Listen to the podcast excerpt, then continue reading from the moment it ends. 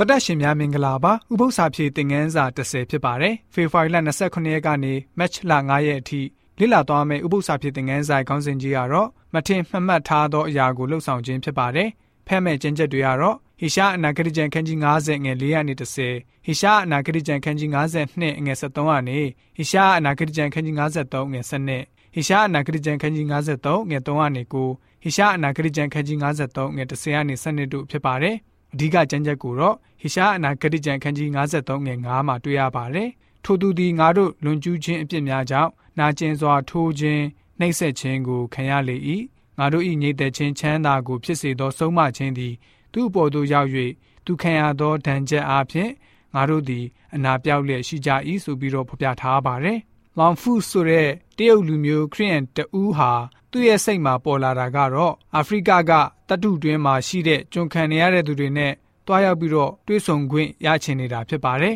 ။သူဟာဆိုလို့ရှိရင်အဝံဂလိသတင်းကိုအဲ့ဒီမှာရှိတဲ့သူတွေကိုဝင်ခပေးချင်ပါတယ်။ဘယ်လိုမျိုးလုပ်ရမလဲ။နောက်ဆုံးမှဆိုလို့ရှိရင်အကြံရသွားပါတယ်။မိမိကိုယ်ကိုငါးနှစ်ကျွန်ဖြစ်ရောင်းချလိုက်ပါတယ်။သူဟာ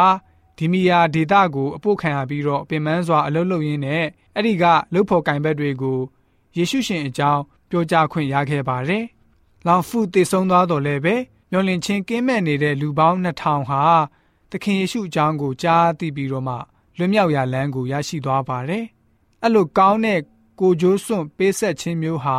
ပုံစံနမူနာယူဖို့အလွန်ကောင်းပါတယ်။မထင်မှတ်ထားတဲ့အရာကိုလှုပ်ခြင်းအပြင်ကျွန်ဘဝကိုနှိမ်ချစွာခံယူခဲ့တယ်။ယေရှုရှင်ဟာလည်းပဲမထင်မှတ်တဲ့အမှုလူတွေဘလို့မှမစင်စားထားတဲ့အမှုကိုပြုခဲ့ပါတယ်။ကျွန်တော်တို့အားလုံးဟာအပြစ်ကြောက်ကမ်းမနဲ့ထဲမှာကြာနေပါတယ်။အခုတစ်ပတ်လေ့လာရမယ့်သင်ခန်းစာကတော့နှစ်ရပေါင်းများစွာကကြိုတင်ဟောထားတဲ့အရာတွေထူးဆန်းစွာပြည့်စုံလာတာကိုလေ့လာကြရမှာပဲဖြစ်ပါတယ်ဆိုပြီးတော့ဥပုံနဲ့ဥပု္ပ္ပစာဖြစ်သင်ခန်းစာကဖော်ပြထားပါတယ်။